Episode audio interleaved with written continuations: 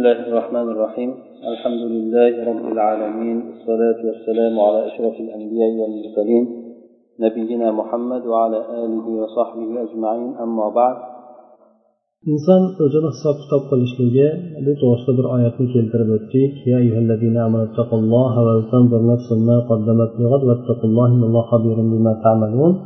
ولا تكونوا كالذين نسوا الله فأنساهم أنفسهم أولئك هم الفاسقون shu oyatlarni keltirib o'tuvdik. Demak bu oyatlarda alloh taolo inson bir o'zini qilib o'tayotgan amallariga bir nazar solishlikka alloh taolo buyurdi. Bu narsada alloh taolodan qo'rqishligini taqvo qilishligini ikki bor insonga ta'kidladi.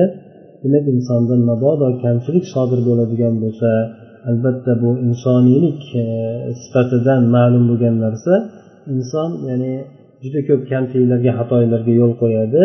Ana o'sha kamchiliklarga yo'l qo'yayotgan kamchiliklari xatoliklari gunohlari shu narsalarni vaqtida alloh taologa yolvorib tavba qilib gunohlarga istig'for aytadigan bo'lsa demak alloh taolo o'sha istig'forlarini gunohlarini qabul etadigan bo'lsa o'shanda gunohlarni kechiradida go'yoki inson oxiratga borganda gunohlardan xoli bo'lgan holatda hamda yaxshi amallari kamchiliklari to'ldirilgan holatida demak allohni huzuriga boradi.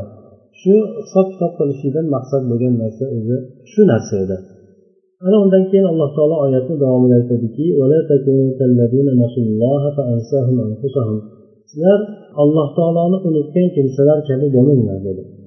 Inson bir dunyo ishiga kirish kirish ketadigan bo'lsa o'shani ichida bo'lib ketib turib allohni ham unutaveradigan darajada o'shanga berilib ketadigan holatda bo'lib qolmanglar har qanday ish bilan shug'ullanayotgan bo'lishinglardan qat'iy nazar demak sizlar alloh taoloni yodinglardan chiqarmanglar alloh taoloni unutmanglar.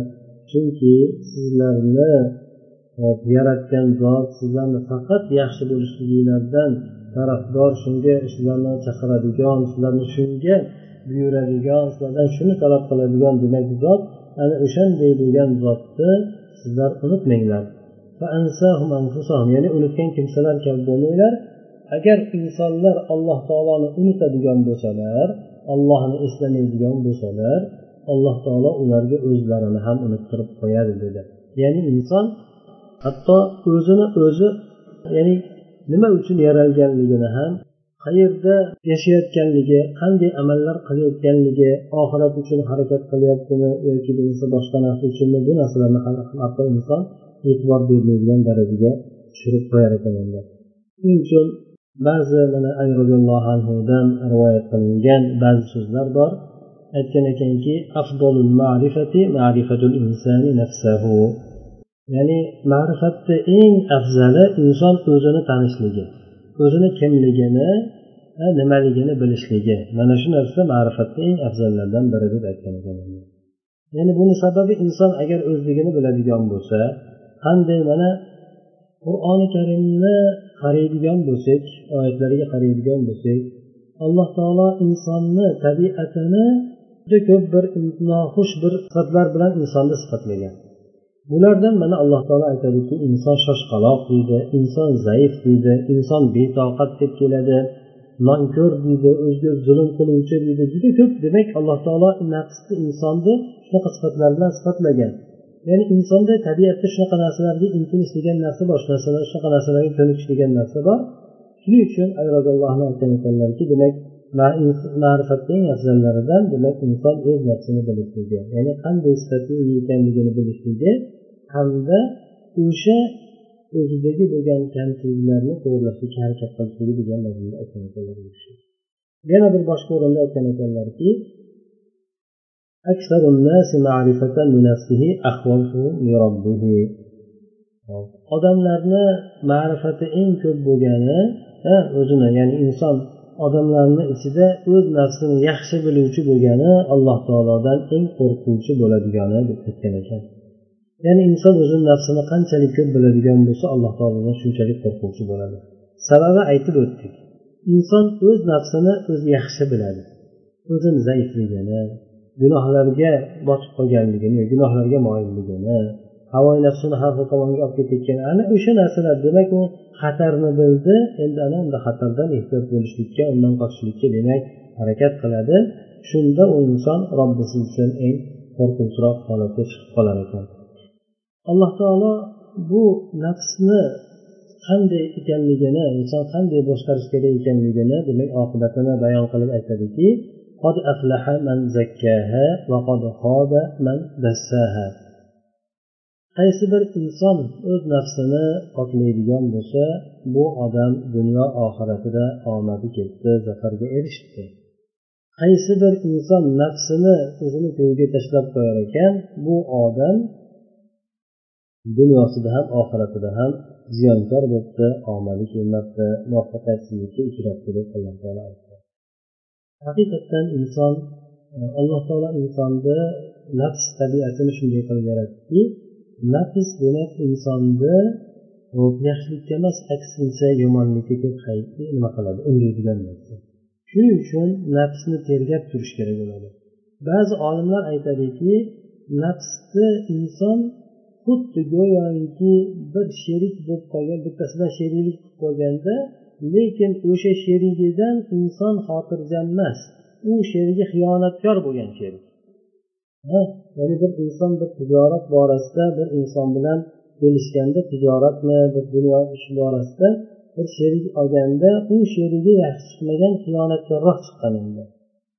Ana o'sha inson yutqizib qo'ymasligi zarar ko'rib qolmasligi uchun demak u sherigini nihoyatda qattiq tergashligi har bir harakatlaridan xabardor bo'lib turishligi hamda uni sarflayotgan demak mablag'laridan demak nimaga sarflayapti qayerdan sarfladi qancha qayerga berdi qancha oldi shu narsalarni agar inson xabardor bo'lib turmas ekan bu xiyonatkor bo'lgan sherigidan hech qachonda omonda bo'lolmaydi. Ya'ni qo'rqadiki mana bu odam demak ziyonga kirgizib qo'yadi demak ehtiyot bo'lib bu odamdan juda qattiq nazorat qilib aytishadiki nafs shu xiyonatkor bo'lgan sherikdan ham ko'ra insonni demak yomonliklarga ziyonga kirib qo'yishga undan ko'ra qattiqroq demak nafsni shunchalik inson qattiq ko'rgach kerak shunchalik qattiq nazorat qilishi kerakki doimki uni insonni demak e, kelajakdagi bo'lgan oqibatida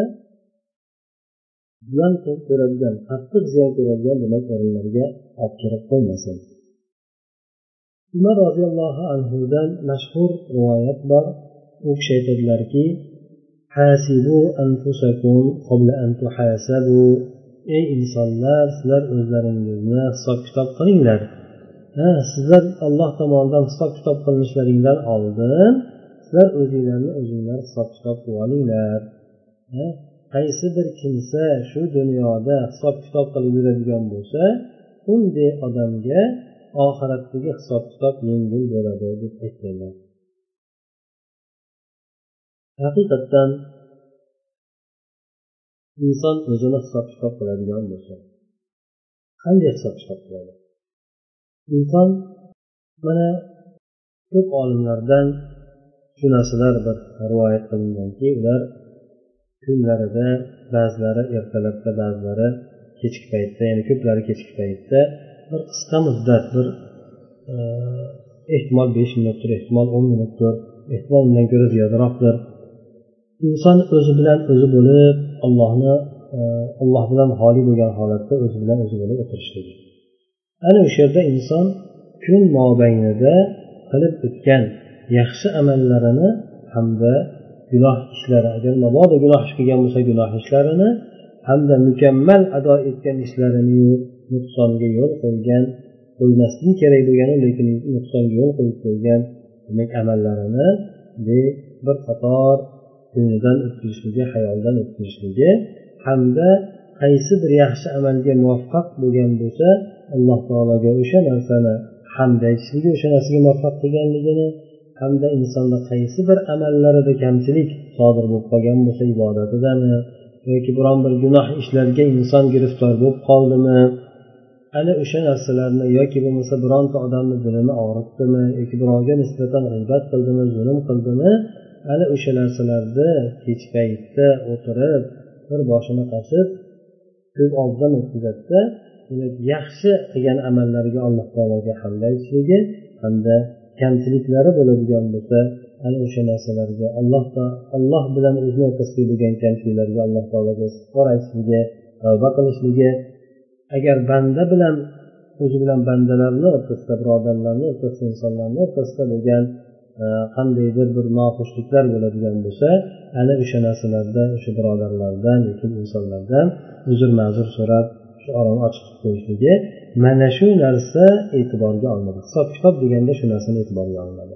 Ya'ni inson zimmasida bo'lgan narsalarni ado etdimi? Insondan talab qilinadigan narsalarni berdimi? Qanday suratda ado etdi? Qanday kamchiliklarga yo'l qo'ydi? Ana o'sha narsalarni inson bir hisob kitob qilib o'zi bilan o'zi bo'ladida yaxshi bo'lganlarga allohga hamd aytishligi kamchilikka yo'l qo'yganlarini demak o'zini vaqtidagina aynan o'sha vaqtda o'zida istig'for aytib tavba aytib demak hal qilib olishligi mana shu narsa demak hisob kitob qilishligi degan narsalar shuni iroda qilyapti umar roziyallohu anhu shuni ta'kidlab aytdilar.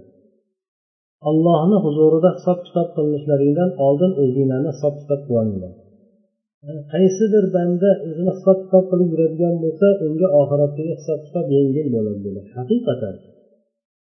Qaysi bir banda o'zini hisob kitob qilib yuradigan bo'lsa demak kamchiliklarni o'zini vaqtida to'g'irlaydigan bo'lsa berilgan ne'matlarni berilgan yaxshiliklarni qilgan yaxshiliklarini allohga nisbatlab allohga hamd aytadigan bo'lsa bu banda demak hayot mobaynida o'zini kamchiliklarini to'g'irlab yaxshilarini demak allohga nisbatlagan bo'ladida demak bu banda xotirjamroq holatda yuradi ollohni huzuriga borganda ham insondan shu dunyoda qilinishligi kerak bo'lgan narsalarni alloh taolo talab qiladi.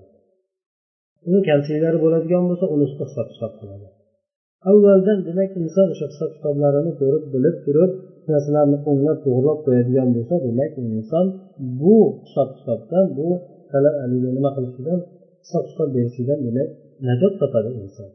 Mana dunyoviy miqyosda olib ko'radigan bo'lsak ham qaysi bir korxona yoki ishxona bo'ladimi yoki muassa bo'ladimi o'zini ishlarini nazorat qilib hamma terim chiqim bo'layotgan narsalarni vaqtida qog'ozlarini tayyorlab kelishuvlar bo'ladimi ana hamma narsalarni tayyorlab shuni qilib yurgan bo'lsa kasblarni tayyorlab yurgan bo'ladigan bo'lsa qaysi paytda reviziya bo'ladimi komissiya bo'ladimi qaysi bir narsa keladigan bo'lsa ham shunday bir xotirjam suratda o'sha narsalarni ko'rsatadida hech narsadan qo'rqmaydi nimagaki bu o'zini vaqtida kamchiliklarni to'g'irlab qo'ygan bo'ladi.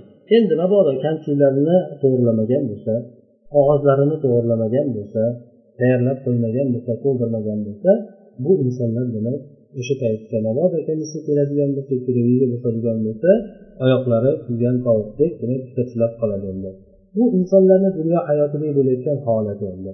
Shunchalik o'zlari kabi bir insonlardan shunchalik ko'cha shunchalik o'zlari yo'l qo'ygan kamchiliklarni unutib shunday qilishadi. Inson ollohni huzuriga borganda agar mana shu dunyoni hayotini o'zida qilib o'tgan kamchiliklarni isloh qilib to'g'irlab qo'ygan bo'lsa demak bunday bo'lgan odam qaysi bir paytda bo'ladigan bo'lsin o'limga tayyor inson bo'ladi. Qaysi bir paytda bo'ladigan bo'lsin demak allohga uchrashlikka bu inson tayyor bo'ladi. Nimagaki? Ollohni huzurida beriladigan hisob kitobga bu inson o'zini tayyorlab olgan bo'ladi. Shuning uchun payg'ambar sallallohu alayhi vasallam aytganlarki ziyrak bo'lgan odam shunday bo'lgan odamki bu nafsini jilovlab olganda nafsini jilovlab olib turib mana shu hayoti dunyodan keyingi bo'ladigan oxirati uchun demak harakatini qilib qolgan odam mana shu odam ziyrak bo'ladigan haqiqiy ziyrak bo'lgan odam shu odam bo'ladi degan.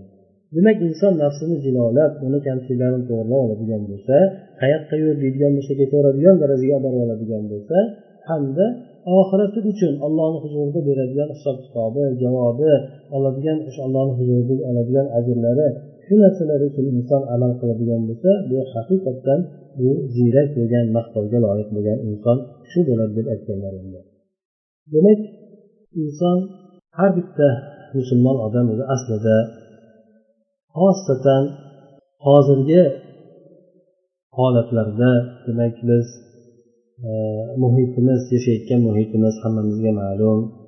Bu islomiy muhit emaski insonlarni bir biriga yaxshilik qilishlikka chaqirib turadigan shunga insonlarni undab turadigan qayerga qaraydigan bo'lsa ham e, insonlar bir biriga yaxshilik tilayotgan yoki ibodatlarga shoshilayotgan shunaqa muhitda yashamayapmiz. Hammamizga ma'lum qanday muhitda yashayotganligimiz ana o'shanday bo'lgan muhitda ko'proq biz o'zimiz bilan nafsimiz bilan kurashishligimiz allohga ko'proq bog'lanishligimiz bizdan har kuni sodir bo'layotgan kamchiliklarimizni gunohlarimizni vaqtida alloh taolo bilan oramizni isloh qilib bo'ladigan kamchiliklarni yozib qo'yishlikka demak boshqa insonlardan ko'ra boshqa muhitda yashayotgan insonlardan ko'ra biz ko'proq shu narsaga muhtoj bo'lamiz. Agar biz shunday qiladigan bo'lsak bu alloh taolo belgilab bergan to'g'ri yo'lda sabot bilan turib keta olamiz. Agar yo'q biz nafsimizni o'zini ko'yiga tashlab qo'yadigan bo'lsak buni o'zini xohlagan narsasiga shunday tashlab qo'yadigan bo'lsak demak unda nafs bizni o'ziga tortib ketadida nafsni olib boradigan joyi insonni demak e, oqibati do'zax bo'lishligi bu tayin bo'lgan narsa. Shuning uchun biz agar nafs ko'yiga kirib qolib agar uni jilovlamaydigan bo'lsak u bizni jilovlikda o'zi xohlagan tomoniga olib ketib qoladi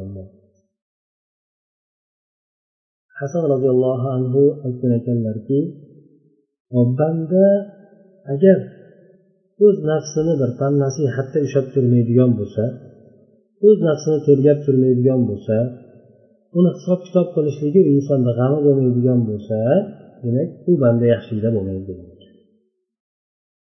Banda o'z nafsini tergab turib hisob kitob qilishlik uni g'ami bo'ladigan bo'lsa bu banda yaxshilikda bo'ladi degan doimiy yaxshilikda shu inson bo'ladi degan demak inson qaysi bir inson nafsini tergab turadigan bo'lsa nimaga bu narsani qilding demak bu gunoh bo'lgan narsa edi. Buni alloh taologa tezligini tavba qilib o'zini tavba qilishlikka majburlab bironta birodarini g'iybat qilgan bo'lsa yo bironta birodariga nisbatan bironta bir noxushlik ishni qilgan bo'lsa demak darrov o'sha narsaga nafsini darrov majburlab turib o'sha birodardan uzr ma'zur so'rab demak hal qilib olishligi bo'ladigan bo'lsa doim o'zini hisob kitob qilib yuradigan bo'lsa bu banda demak yaxshilikda bo'lib davom etadi deb aytgan ekanlar hisob kitob qilishlik to'g'risida yana ba'zi oyatlarni ba'zi hadislarni keltirib o'tdik.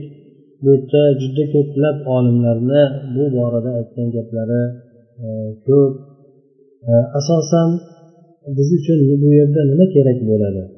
To'g'ri bu olimlarni gaplaridan biz agar eshitadigan bo'lsak oyat hadislarni o'qiydigan bo'lsak bu narsalarga biz undaydigan narsani topamiz. Lekin asosiy bo'ladigan narsa biz o'sha hisob kitob qilish degan narsani o'zimiz yo'lga qo'yishligimiz. Eng muhim bo'ladigan narsa bizga shu narsa.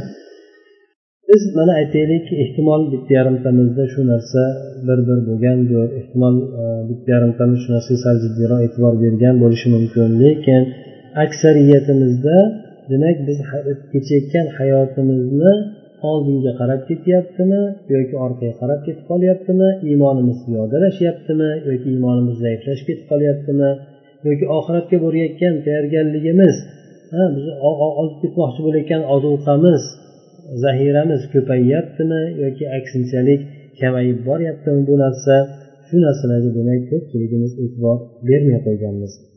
Garchi bu narsani o'zimiz so'zimizda aytadigan bo'lsak ham o'zimiz shu narsa ustida koyiydigan bo'lsak ham lekin bu narsaga ko'pchiligimiz haqiqatdan bee'tibor bo'lib qolganmiz.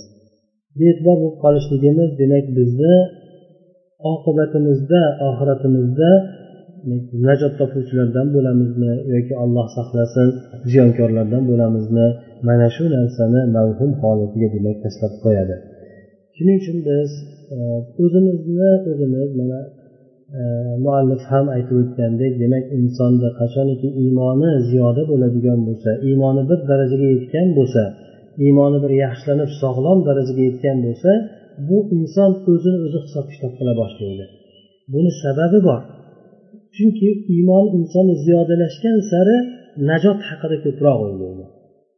Ollohni allohga bo'lgan iymon insonni iymoni ziyodalashgan sayin allohni yaxshiroq tanib borgan sari demak inson allohni huzuriga yaqinlashishlikka hamda allohga nisbatan qilayotgan ibodatlarini iloji boricha chiroyliroq mukammalroq suratda ado etishlikka alloh taolodan uzoqlashtiradigan narsalardan o'zini tiyishlikka demak harakat qilib qoladi. Mana shu narsaga muhosabatun nafs deb aytayotgan narsamiz ya'ni inson nafsini tergab turish degan narsamiz juda katta bir yordam beradigan narsadir inson agar o'zini hisob kitob qilmas ekan bu inson o'zini kamchiliklarini bilmaydi. E'tibor qilmaydi. Shunchaki demak o'tib ketaveradi.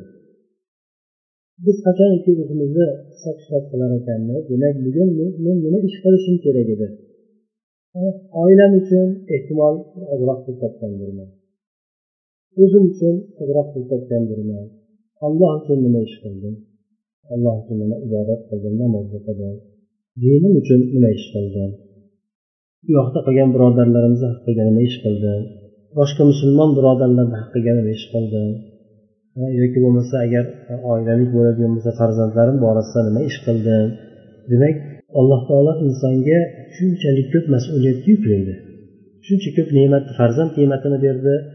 Farzandlar ustida mas'uliyat alloh taolo uni javobgar qiladi mas'uliyat talab qiladi insondan. Insonga alloh taolo sog'lik berdi o'shanga yarasha javobgarligi bor.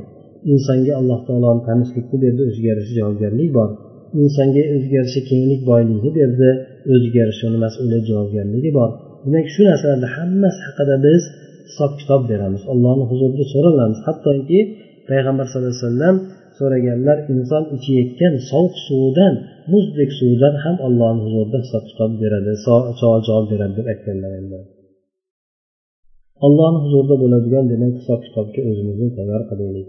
Bu o'lim insondan demak so'rab o'tirmaydi. O'lim kelgan vaqtida agar inson o'zini o'limga tayyor qilgan bo'lsa alloh taolo aytgandek ertangi kunga nimani tayyorgarlik ko'rayotganiga qarab qo'ysin degani ertangi kunga tayyorgarligini ko'rib qo'ysin degani. Qarasin inson safarga chiqib ketayotgan bo'lsa ha safarga chiqib ketib bo'lgandan keyin chamadonni ochib turib nimalar oldimikin deb qaramaydi. Balki aksincha safarga chiqishligidan oldin safarga yetadigan ehtiyoj bo'lgan safarda kerak bo'ladigan narsalarni oldinmikin deb safarga chiqishlikdan oldin qaraydi. Agar mabodo safarga chiqishligiga kamchilik bo'ladigan yetishmaydigan narsalar bo'ladigan bo'lsa o'sha narsalarni o'sha safarga chiqishlikdan oldin to'g'irlab qo'yadi. Kerakli bo'lgan narsalarni o'sha joyga qo'yadi. Demak inson ham biz safar qiladigan joyimiz oxirat safari juda katta safar juda katta ozuqa insondan talab qilinadi. Demak o'sha ozuqalarni biz vaqtida olib qolyapmizmi? Shu narsaga demak e'tibor berishimiz kerak. Safarga ertangi kungi bo'ladigan safarimizga shu bugungi kundan boshlab demak biz tayyorgarligimizni ko'rishligimiz kerak ekan. Ehtimol biz ertangi kunga yetolmasmiz ertangi kunga yetadigan bo'lsak endigi kunga yetolmasmiz. Alloh taolo uni o'zi biladi. Lekin biz doimiy bo'ladigan safarga demak tayyorgarlik ko'rib o'shanga kerak bo'ladigan hojatimiz ehtiyojimiz kattaroq bo'ladigan demak narsalarni olib olishligimiz kerak bo'ladi. Bu narsalar bizni yaxshi amallarimiz hamda mabodo bizdan kamchilik gunohlar sodir bo'ladigan bo'lsa o'sha narsalarni ustida allohga tavba qilib allohdan istig'forat so'rashligimiz. Mana shu narsa demak bizni hozirgi safarga bo'lgan tayyorgarligimiz bo'ladi. Demak biz o'ylanaylik. O'sha hisob kitob qiladigan o'rnimizda demak allohga qanday ibodatni ado etdik olloh buyurgandek ibodatni ado etoladikmi yo'q. Demak ertangi kunda o'shanday qilishlikka harakat qilishim kerak. Inson demak o'zini mas'uliyatni his qiladi dinim uchun nima qildim? Bugun qilolmadim qilishim kerak. Ertaga xudo xohlasa shu rejamga kiritayki ertaga shunday bir amalni qilay. O'sha meni dinimga yordam bersin birodarlarimga foydasi tegadigan bironta yo duo yo bironta bir qanaqa bir qo'limdan keladigan yordam bo'lsa shuni qilay. Yoki bo'lmasa farzandlarimga nisbatan ahli oilamga nisbatan yoki o'zimni taqvoyimga yoki bo'lmasa ibodatlarimga nisbatan qilishligim kerak bo'lgan ishni bugun qilolmabmanmi ertangi kunda shu narsani qilay. Shu narsani bugun mukammal qilmadim ertaga mukammalroq qilay. Kamchilikka yo'l qo'ydim kamchilikka shu yo'l qo'yganligimni demak e, kamchiligimni to'sar kamchiligimni yo'qotay deb ana o'sha narsalar to'g'risida inson hisob kitob qiladigan bo'lsa nafsini ertangi kunga yaxshilikka bir undaydigan bo'lsa qiladigan ko'rishga harakat qiladigan bo'lsa mana shu narsa insondan talab qilinadigan narsa shariat payg'ambar sallallohu alayhi vasallam ham qur'oni bu narsaga buyuradi agar biz shu narsalarni o'z vaqtida qiladigan bo'lsak o'lim qaysi paytda kelishligidan qat'iy nazar demak biz o'limga tayyorgarligimizni ko'rib turgan bo'lamiz. Alloh taolo aytgandek ertangi kunga nima qilayotganligimizga allohni buyrug'iga bo'ysunib biz nazar qilayotgan e'tibor qilayotgan kimsalardan bo'lamiz. Shuning uchun bu o'zini hisob kitob qilish degani insondan ehtimol besh minut vaqtini oladi ehtimol uzoq ketsa bir o'n minut vaqtini oladi. Har kuni bir inson olloh bilan o'zini o'rtasida masjidda bo'ladimi yotishdan oldin bo'ladimi qaysi bir o'rinda bo'ladigan bo'lsa bir bugungi kunda nima ish qildiyu inson hayoti shu o'tib ketyapti oxiratga qarab ketyapti o'limga qarab ketyapti. Nima unumliroq foydaliroq bo'lgan narsa qildi inson? O'ziga nisbatan diniga nisbatan allohga nisbatan ummatiga nisbatan hamda qanday kamchiliklarga yo'l qo'ydi? O'sha kamchiliklarni demak allohga darrov istig'for aytib tavba qiladigan bo'lsa demak inson alloh taolo o'sha tavbasini qabul qiladigan bo'lsa ertangi kunda insonni yana ham yaxshiroq bo'lgan narsaga muyassar qiladi. O'sha gunohlardan insonni alloh taolo uzoqlashtiradi. Agar inson bu narsaga e'tibor bermasdan qilayotgan gunohlarga tavba qilmaydigan bo'lsa bu narsalar to'planib to'planib qoladida inson oxir oqibat borib halok qilishligi mumkin. Yoki inson o'zicha go'yoki oxiratda katta savoblar bilan ketyapman deb o'ylaydida lekin qiyomatga borganda mana hadis keladi bir insonlar bo'ladiki toh toh bir nima savoblar bilan keladiyu lekin bu insonlar uni haqoratlagan buni so'kkan bunga zulm qilgan o'sha insonlarga savoblardan beriladi beriladi hech savobi qolmagandan keyin naryoqda bo'lgan odamlarga demak gunohlardan bu insonlarga yuklatiladi oxiratda ziyonkor kimsalardan kimsalarga aylanib qoladi. Shuncha katta yaxshi amallar qilgan bo'lishiga qaramasdan. Demak inson shunday holatga tushib qolmasligi uchun shu bugungi kundan boshlab turib o'zini demak tayyorgarlik ko'rishligi oxiratga bo'ladigan safariga e'tibor qilishligi tayyorgarligini ehtiyoji bo'lgan narsalarni avvaldan tayyorlab qo'yishligi demak insonga shu bugungi kunda demak lozim bo'lar ekan. Mana shu narsani demak o'zimizda mana undan keyin ham hali bo'lib o'tadi iymon agar sog'lom bo'ladigan bo'lsa beradigan samaralari demak bizda o'sha samaralar topilayotgan bo'lsa bilaylikki iymonimiz sog'lom ekan. Iymonimiz ziyodalashyapti agar bizda o'sha beradigan samaralar yo'q bo'lsa samaralar bir kemtik bir qurtmasgan yo boshqa holatga tushib qoladigan bo'lsa bilaylikki bizda iymonimiz sog'lom emas ekan iymonimiz aksincha ziyodalashmasdan demak zaiflashib borayotgan ekan. Shu narsa demak biz harakat qilishimiz kerak bo'ladiki undan keyin iymonlarimiz ziyoda qilishlikka amallarimizni chiroyli qilib kerak. Mana shu nafs inson nafsi bilan nafsni tergab turishligi o'zini hisob kitob qilib turishligi aynan shu narsalarda insonga yordam beradi. Buni o'zimizga vazifa qilib olaylik. Bir birimizga shu narsa to'g'risida savol beraylik. Agar inson biz bir narsaga odatlanmagan bo'lsak odatimizni kirgizib olishlikka ancha qiyin bu narsa. Shuning uchun eslatma berib turishlikka muhtoj bo'lamiz. Bir birimizni demak e, bir aybi yo'q. Inson bu o'zi hisob kitob qildinglarmi deb bir so'rashligi garchi men hisob kitob qildim sen qildingmi deyishligi bu yerda riyo degan narsa yo'q boshqa degan narsa yo'q. Faqatgina inson to ko'nikib o'rganib bo'lsa shu narsalar demak bir biriga tavsiya qilib bir biriga aytib turadigan bo'lsa bu narsa davomiy bo'lishligi mumkin. Bo'lmasa bir kun qiladi uch kun qilmaydi bir kun qiladi bir hafta qilmaydi bir kun qiladi bir bir oyda bir kun shunaqa holatga tushib qoladi. Insonga agar aytib turmaydigan bo'lsa eslatma berib turmaydigan bo'lsa inson tez unutuvchan bo'ladi. Birpasda unutib go'yoki avvalgi eski holatga tushib qoladi. Shuning uchun bunda bir birimizga bir yaxshi sherik bo'laylik. Mo'min mo'min odamni ko'z ko'zgusi mabodo bironta kamchilik bo'ladigan bo'lsa aytib qo'yadi chiroyli suratda.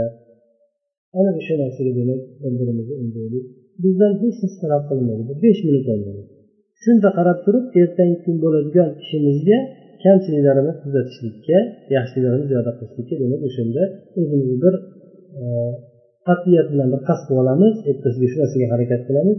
Qarabsizlarki e, bugunimizdan ko'ra ertamiz yaxshiroq ertamizdan ko'ra undan keyingi kunimiz yaxshiroq bo'ladi.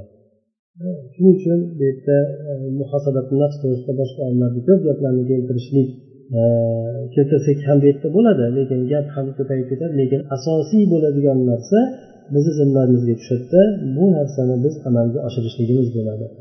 Bu narsaga payg'ambar sallallohu alayhi vasallam ham sahobalardan ham qur'oni karimdan ham ko'plab ko'plab dalillar bor. Shu insonni dunyosida ham oxiratida ham najot topishligini demak asl garov bo'lgan narsasi hisoblanadi.